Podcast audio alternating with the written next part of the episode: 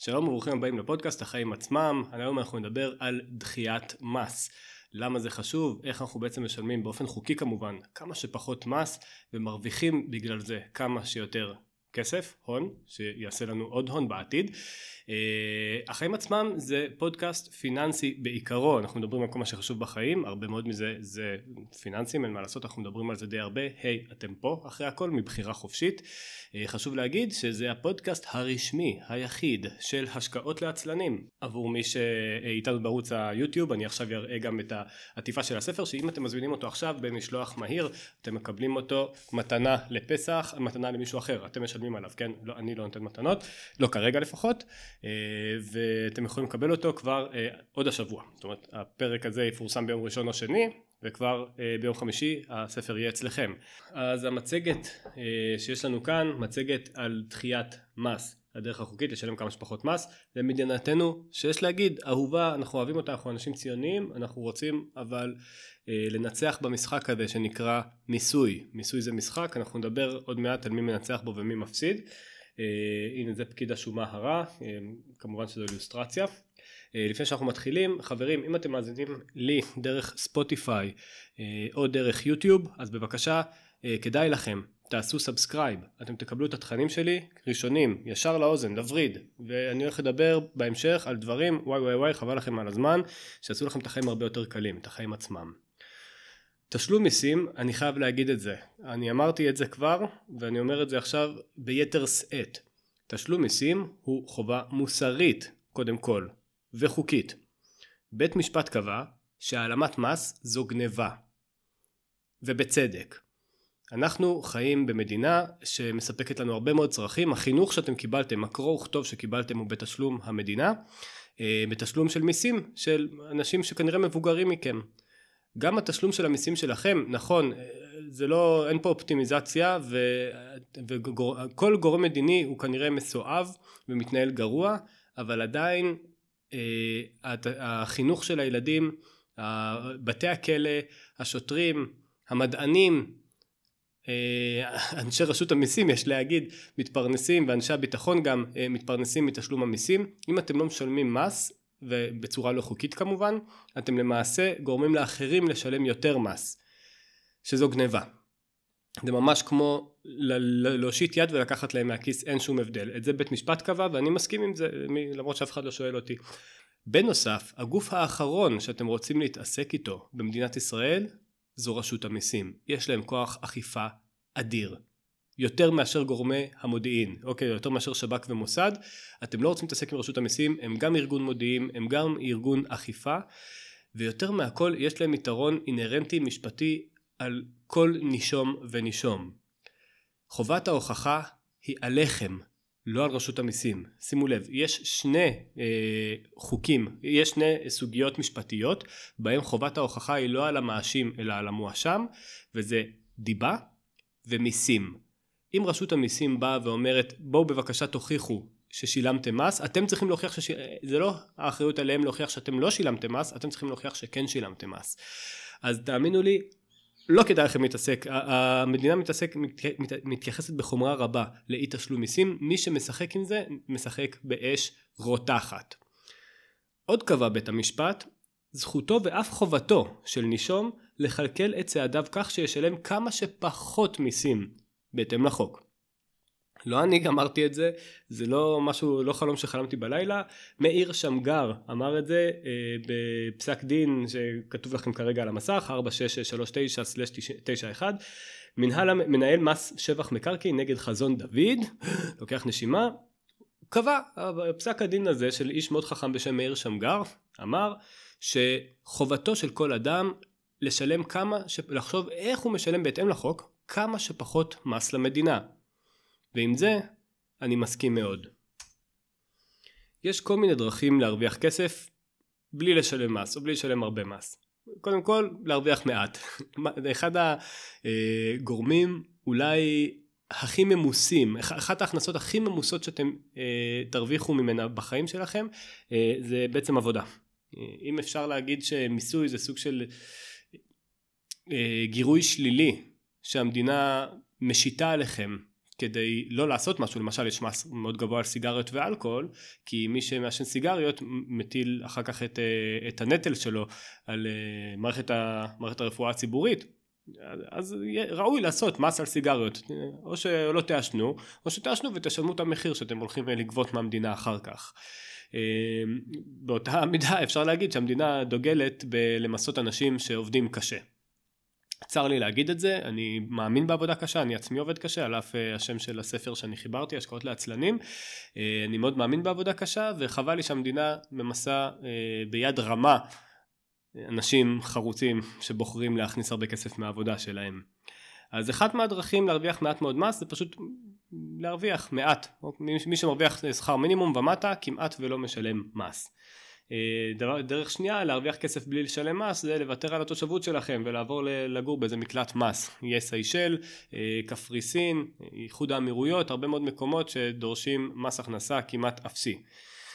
בגלל שאני לא מתכוון להרוויח מעט כסף בחיים שלי ובגלל שאני לא מתכוון כרגע לוותר על התושבות הישראלית אה, מאיזושהי סיבה אז אני מייחס יתר משמעות לסעיפים הבאים שאני הולך להגיד. בהשקעות יש דרכים לשלם מעט מס. קודם כל השקעה דרך קרן השתלמות מי שלא עשה את זה צר לי שאני בוטה אתה או את פראיירים. קרן השתלמות אפשר אה, לפתוח כשכיר אה, בהסכמת המעסיק ואפשר לפתוח כעצמאי. אם אתם עצמאים ולא פתחתם קרן השתלמות אתם פשוט השארתם כסף על הרצפה אין דרך אחרת לתאר את זה. אה, ואני אדבר על זה אולי בהרחבה בפרק אחר. אם אתם שכירים עדיף לכם כן כן לבוא למעסיק שלכם ולהגיד אני מעדיף להרוויח פחות אבל שתפתח לי קרן השתלמות. למה? כי קרן השתלמות אתם גם מקבלים פטור ממס הכנסה וגם פטור ממס רווחי הון. זה פטור כפול ממס, פשוט כסף על הרצפה. דבר שני, השקעה דרך קרן פנסיה. לאחרונה, בשנים האחרונות המדינה החליטה שהיא משיתה חובה של הפקדה לקרן פנסיה כי אנשים פשוט לא ניצלו את היתרון האדיר הזה של גם פטור ממס הכנסה ופטור ממס רווחי הון. חבל אז אה, תעשו את זה. החיסרון בקרן פנסיה שכן זאת משיכה כקצבה אה, החופש שלכם להשתמש בכסף מוגבל באיזשהו מובן. השקעה בנדל"ן זו גם סוג של מקבלים פה איזשהו פטור במידה ואנחנו מדברים על דירה יחידה ועל שכר דירה של עד 5,070 ש"ח עד הסכומים האלו יש איזשהו פטור מסוים ממס שבח במכירה, מס רכישה ברכישה והכנסות מסחר דירה אה, עד 5,070 זה פטור מאוד מאוד מאוד משמעותי, זה הרבה מאוד כסף. דברים שמשלמים עליהם מס, כל השאר. אתם תשלמו מס כמעט על כל דבר, כמעט על כל שקל שתרוויחו, אה, להוציא מכירות של טובין יד שנייה וכל מיני שטויות כאלה שהמדינה בכלל לא מנסה למסות. אז למה בעצם זה כזה חשוב? הדבר שאנחנו הולכים לדבר עליו היום, דחיית מס. שימו לב, זה לא אי תשלום מס, אבל זו דחיית מס. במקרה של משקיע פסיבי, משקיע עצלן, כמוני, מדובר על דחיית מס ליטרלי לנצח. ואנחנו תכף נבין כמה מורבידי מה שאני אומר עכשיו. כמו שאתם רואים כאן אה, בטבלה ומי שמאזין לנו בספוטיפיי אז אני מציג בעצם אה, טבלה עם שני גרפים אקספוננציאליים גרפים אקספוננציאליים זה בעצם גרפים שאומרים כשאנחנו מדברים על רווחים אה, אנחנו מדברים על רווחים של הרווחים. אם בעצם יש לי 100 שקלים והיום הם עלו בעשרה אחוזים אז יש לי 110 שקלים. אם מחר הם יעלו בעוד עשרה אחוזים אז אני לא הרווחתי 10 שקלים שזה 10% מתוך 100 שקלים אלא הרווחתי 11 שקלים. 11 זה אומר שהרווחתי עשרה שקלים מתוך המאה מהקרן ועוד שקל אחד מהעשרה שקלים שהרווחתי אתמול נכון? מהריבית זה, ש... זה, זה בעצם אה, מה שיוצר את אותו אפקט אקספוננציאלי. עכשיו מה שאתם רואים פה בטבלה זה בעצם שני גרפים אקספוננציאליים שאחד ברור שהוא יותר אה, אה, רווחי מהשני. אה, גרף אדום תחתון וגרף אדום עליון שהם קורלטיביים זאת אומרת העלייה היא דומה אחת לשנייה אבל הם לא קורלטיביים ב-100% כי הגרף הכחול הוא הרבה יותר אה, גבוה מהשני. אני אסביר רגע, ב, אני אנסה להיות כמה שיותר אה, מילולי לטובת אה, מי שמאזין לנו בספוטיפיי.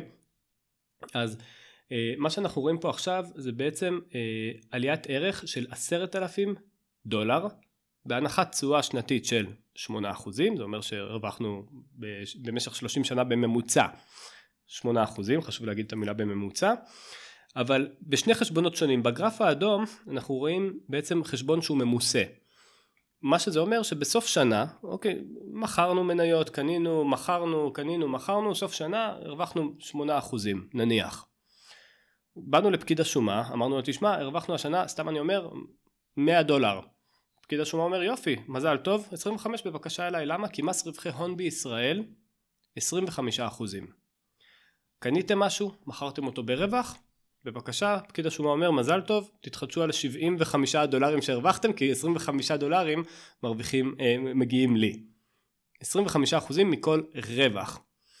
אז בחשבון ממוסה, שבו בעצם יש אה, עשרת אלפים דולר והרווחנו אה, שמונה אחוזים במהלך, ה, אה, במהלך השנה, אחרי, בואו נראה, אחרי 20 שנה אותם עשרת אלפים, אה, אותם עשרת אלפים דולר אה, שווים, אה, בוא נראה משהו שנראה כמו שלושים אלף דולר לפי הטבלה פה, שלושים ושתיים אלף דולר.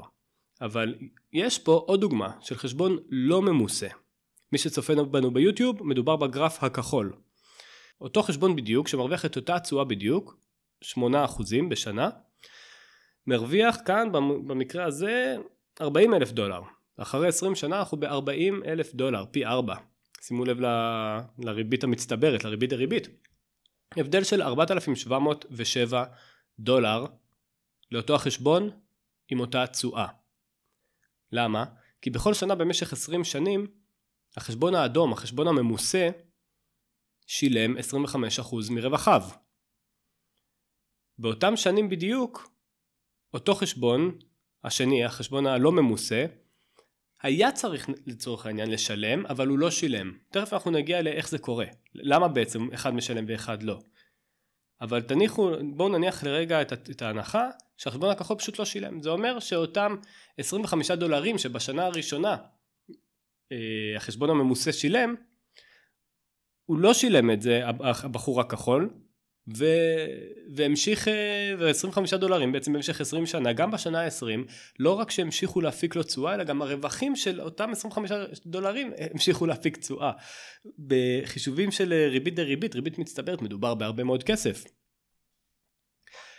כמו שאתם רואים, בשנה ה-30 אנחנו מדברים על הבדל של 18,192 דולר. זה הרבה מאוד כסף. זה כמעט פי שתיים מהקרן, מהסכום ההתחלתי. דרך אגב, הדוגמה הזאת זה בהנחה שלא הוספתם שקל אחד. ועכשיו אני רואה פה גם תוך כדי שידור שמדובר פה גם בהנחת מיסוי של 20%. שימו לב בישראל מס רווחי הון לצערי הוא 25%, לא 20%, אז ההבדלים אפילו גדולים יותר. אני עשיתי בעצמי חישוב על שני אנשים. אני רוצה לעשות רגע דוגמה ישראלית, פה אני כן חישבתי את זה לפי 25 אה, אחוזים. אה, אנשים שמאזינים לי בספוטיפיי, אנא תהיו איתי, אני מדבר עכשיו מספרים. יש את מר שלמן ומר לייזי. שימו לב, מר שלמן הוא משקיע אקטיבי, הוא אוהב לקנות למכור לקנות למכור, סוף השנה מגיע לרשות המיסים ונותן להם דין וחשבון. כמה הרווחתי, ורשות המיסים אומרת לו, אוקיי חביבי, אתה חייב לנו 25% מכל מה שהרווחת. אין מה לעשות, אלה החוקים ולפיהם אנחנו משחקים. מר לייזי פשוט קנה איזשהו מדד, במקרה הזה ב-20 אלף ש"ח, והוא לא מוכר. למה? הוא נותן לכסף לגדול, הוא נותן לאותו המדד פשוט לגדול ולצמוח. מי שלא יודע מה זה מדד, אז זה בעצם מדד של חברות מובילות בבורסה, חברות ציבוריות, אפשר לקנות אותו בקרן סל, שמחקה את מדד תל אביב 125, נסדק, S&P 500, זה לא משנה, אני מדבר על זה בהרחבה בספר השקעות לעצלנים, מי שרוצה שיעיף מבט, אה, אבל הוא פשוט לא מוכר, זה העניין. עכשיו שימו לב, לא מימשתם את, את, את, את, את הכסף, זאת אומרת לא מכרתם את, את, את ההחזקות שלכם, זה לא נחשב שהרווחתם, אתם מורווחים רק על הנייר. שימו לב מה קורה לתיק אה, בין 20 אלף שקל במשך 20 שנה, 20 על 20 שימו לב.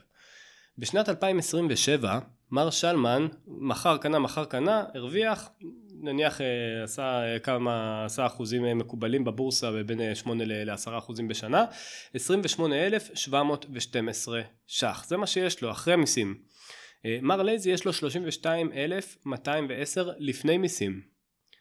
מר שלמן בשנת אחרי 10 שנים יש לו 41,220 ולמר לייזי יש קצת יותר מ-10,000 שקל יותר 51,874 לפני מיסים אחרי, אני קופץ עשר שנים קדימה, זאת אומרת, אחרי עשרים שנה, בשנת 2042, למר שלמן יש תיק של, 100, של 85 אלף שקלים, אני מעגל קצת כלפי מעלה, ולמר lazy יש תיק של 135 אלף שקלים, אני מעגל קצת כלפי מעלה את המספרים, 135 אלף למשקיע העצל, ו-85 אלף למר שלמן. מטורף. יגידו אנשים כן אוקיי אבל זה 135 אלף לפני מס עכשיו מר, עכשיו מר lazy אם הוא רוצה למשוך את כל הכסף שלו הוא צריך לשלם מס נכון? זה נכון. מר lazy צריך לשלם מס והוא ישלם מס ואחרי מיסוי יש לו 106 אלף שקלים אני מעגל ולעומת ה-85 אלף שקלים של מר שלמן הוא עדיין ניצח בגדול שימו לב מר שלמן מכר קנה מכר קנה מאוד התאמץ מר lazy פשוט נהנה מדחיית מס לאורך שנים מה למעשה קרה פה? אותם מיסים שמר שלמן שילם כל שנה הפסיקו לעבוד בשבילו. מיסוי זה משחק סכום אפס. שקל שיוצא מהכיס והולך לרשות המיסים מפסיק לעבוד בשבילך. שקל של, שלא נמצא בכיס שלך מפסיק לעבוד. וזה עצוב. אז זאת הייתה הדוגמה אה, של אה, מר שלמן ומר לייזי. אה, אם אתם רוצים להיות אה, אם אתם רוצים להיות משקיעים אקטיביים, אה, לחפש את המניה הלוהטת הבאה, אתם יכולים לעשות את זה, אולי אפילו תצליחו בזה, אני לא יודע, זה מצריך הרבה מאוד זמן ואנרגיה, זה בטוח. אתם תשלמו יותר מס מאשר, אה, מאשר אה, המשקיע העצל. המשקיע העצל דוחה את תשלום המס שלו כמה שניתן, ונותן לאותו כסף שהוא לא שילם, להמשיך לעבוד עבורו. מה היתרונות בהשקעה פסיבית על פני השקעה אקטיבית? אז יש כל מיני יתרונות שלא דיברנו עליהם היום. היתרון לדעתי הכי גדול והכי משמעותי זה ניטרול הגורם האנושי. אנחנו בני אדם ואנחנו מוטי רגש, אנחנו פסיכולוגית משקיעים גרועים מאוד. זו הסיבה שבגללה יוג'ין פאמה זכה בפרס נובל, שבעצם הוא קבע את אה, זה שאתם פותחים את העיתון בבוקר. אה, כל החישובים, בעצם כל הסך, כל הרגשות, התחושות, הידע, המחשבות של כל המשקיעים בעולם כבר מתומחר במחיר השוק. אתם לא יודעים שום דבר שאף אחד אחר לא יודע, אין לכם סיבה להאמין בזה. אלא אם כן יש לכם מידע פנים, ואז זה לא חוקי להשתמש בו במסחר בבורסה. אבל אין לכם סיבה להאמין שאתם, שאתם יותר מוכשרים או יותר מוצלחים מכולם בהשקעות או במסחר, בגלל זה אומרים uh, המחקרים תוותרו מראש. תמצאו לעצמכם קרן סל שמחכה מדד, תשלמו כמה שפחות מס שאתם יכולים לפי החוק, תשלמו כמה שפחות דמי ניהול ותיתנו לזה לעבוד, ככה זה מנטרל את החולשה הפסיכולוגית שלנו כבני אדם בתור משקיעים. דבר שני זה באמת הפחתה משמעותית בדמי ניהול כמו שאמרתי אה, להפחית מס להפחית דמי ניהול זה אומר יותר כסף שעובד בשבילכם שנמצא אצלכם היתרון השלישי שעליו בעצם דיברנו היום זו דחיית מס. אז האם מנגנון דחיית המס הוא מנגנון לאי תשלום מס? התשובה היא בהחלט לא. אתם תשלמו בסוף מס, אין מה לעשות, בסוף אה, אומרים ששני דברים הם בטוחים, המוות ותשלום המיסים. אבל המטרה שלכם בתור משקיעים זה לנצח במשחק הזה. תשלום מיסים זה משחק והמטרה שלכם זה לנצח בו בצורה חוקית.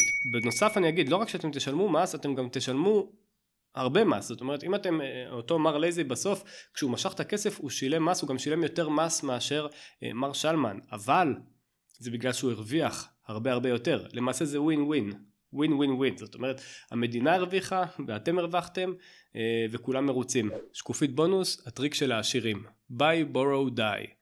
מה שהעשירים עושים כדי כמעט ולא לשלם מס, אני לא יודע אם אתם יודעים, אבל האנשים הכי הכי הכי עשירים, העשירים באופן מופלג, כמעט ולא משלמים מס. שזה עצוב כי זה אין מה לעשות בסוף האנשים שהולכים כל יום לעבודה משלמים טונות של מס אבל האולטרה עשירים כמעט לא משלמים. למה? כי הם מזהים את חוקי המשחק ומשחקים לפיו. אם אה, מס מהכנסה הוא המס הגבוה ביותר אז הם פשוט לא יקבלו מס הכנסה. זה ייראה בדוח השנתי שאדם מאוד מאוד עשיר אילון מאסק לא מושך משכורת. אה, מה הוא ימשוך? הוא ימשוך הלוואת בעלים דברים שהם, שהם הם לא ממוסים. אותה אסטרטגיה שנקראת, שנקראת buy borrow die בעצם אומרת תקנו נכסים מניבים כמו קרקע, נדל"ן, חברות, מקרקעין ואם אתם צריכים כסף נזיל בשביל הקניות שלכם, בשביל אה, לטייל בחו"ל, תלוו אותו, תמצאו דרכים. תמשכנו, תיקחו הלוואות זולות מהבנק, תעשו, תיקחו הלוואות עסקיות אבל אל תמשכו דיבידנדים, אל תמשכו משכורות, כי זה פשוט ממוסה מאוד. בסופו של דבר, כשאותם אולטרה עשירים הולכים לעולמם, הם עושים תכנון מס גם למעבר בין דורי של הון. יש דבר כזה, אתם יכולים לגגל את זה. יש כל מיני טריקים, למשל לתרום, ל, לתרום את כל הכסף לקרנות צדקה בניהול המשפחה, ואז אה, בעצם אה, העברה בין דורית של כסף שפטור ממס, או הורשה של נכסים יחד עם הלוואות, ואז אני מקזז את ההלוואות ואת הריבית על ההלוואות כנגד הנכסים. זה איזשהו טריק כזה שעושים אולטרה עשירים כדי כמעט ולא לשלם מס על התזרים השוטף. האם זה אומר שעכשיו אה, תיקחו הלוואות בטונות בשביל להתחמק מתשלום מס? ברור שזה לא מומלץ לאנשי מעמד ביניים או אנשים שצריכים לעשות עם זה קניות בסופר. זה מומלץ לאנשים עשירים מאוד, אבל זו דוגמה מאוד מאוד טובה לתכנון חכם וערמומי של מס. לשלם כמה שפחות מס באופן חוקי. מי שזוכר את אה, קמפיין הבחירות של דונלד טראמפ מול הילרי קלינטון, אולי זוכר את הסנסציה של הניו יורק טיימס שמצאו שהוא כמעט ולא שילם מס. את ה-Federal Tax, הוא כמעט ולא שילם מס הכנסה במשך שנים רבות. הילרי קלינטון אמרה, השתמשה בזה ב debate ואמרה והאשימה אותו בזה שהוא לא משלם מיסים. אז הוא ענה לה, That makes me smart. מה אתם חושבים? אז תגידו לי מה דעתכם, האם אה, זה נכון לדעתכם לתכנן מס ככה שתשלמו כמה שפחות? תשתפו אותי בתגובות, מה דעתכם? מה דעתכם על המהלך של דונלד טראמפ? האם זה עושה אותו טיפש? האם זה עושה אותו חכם? בנוסף, אני התלבטתי אם להכניס אה, אסטרטגיה נוספת לפרק הזה. סיפרתי לכם קודם על BBD, על buy, borrow, die, אבל יש גם אסטרטגיה נוספת, אסטרטגיה נדל"נית, שזה BRRR, אוקיי, זה בר, אנשים קוראים לזה. שזה אומר buy, rehab, rent, refinance, repeat. מעניין אתכם לשמוע על זה? לא ידעתי אם להכניס את זה לכאן או לא, תשתפו אותי בתגובות. אם אתם רוצים, נעשה פרק מיוחד על האסטרטגיה שגורמת לאנשים פשוטים להפוך לאילי נדל"ן. תשתפו אותי בתגובות, ואם עדיין לא עשיתם subscribe בספוטיפיי או ביוטיוב, אז עכשיו זה הזמן. יאללה, אני עושה פה עוד פתיחה, תנצלו את הזמן הזה לתגובות, subscribe, ואתם יכולים גם ללחוץ על הפעמון, ואז זה יודיע לכם כל פעם שיש את זה. יאללה, ביי ביי. Thank you.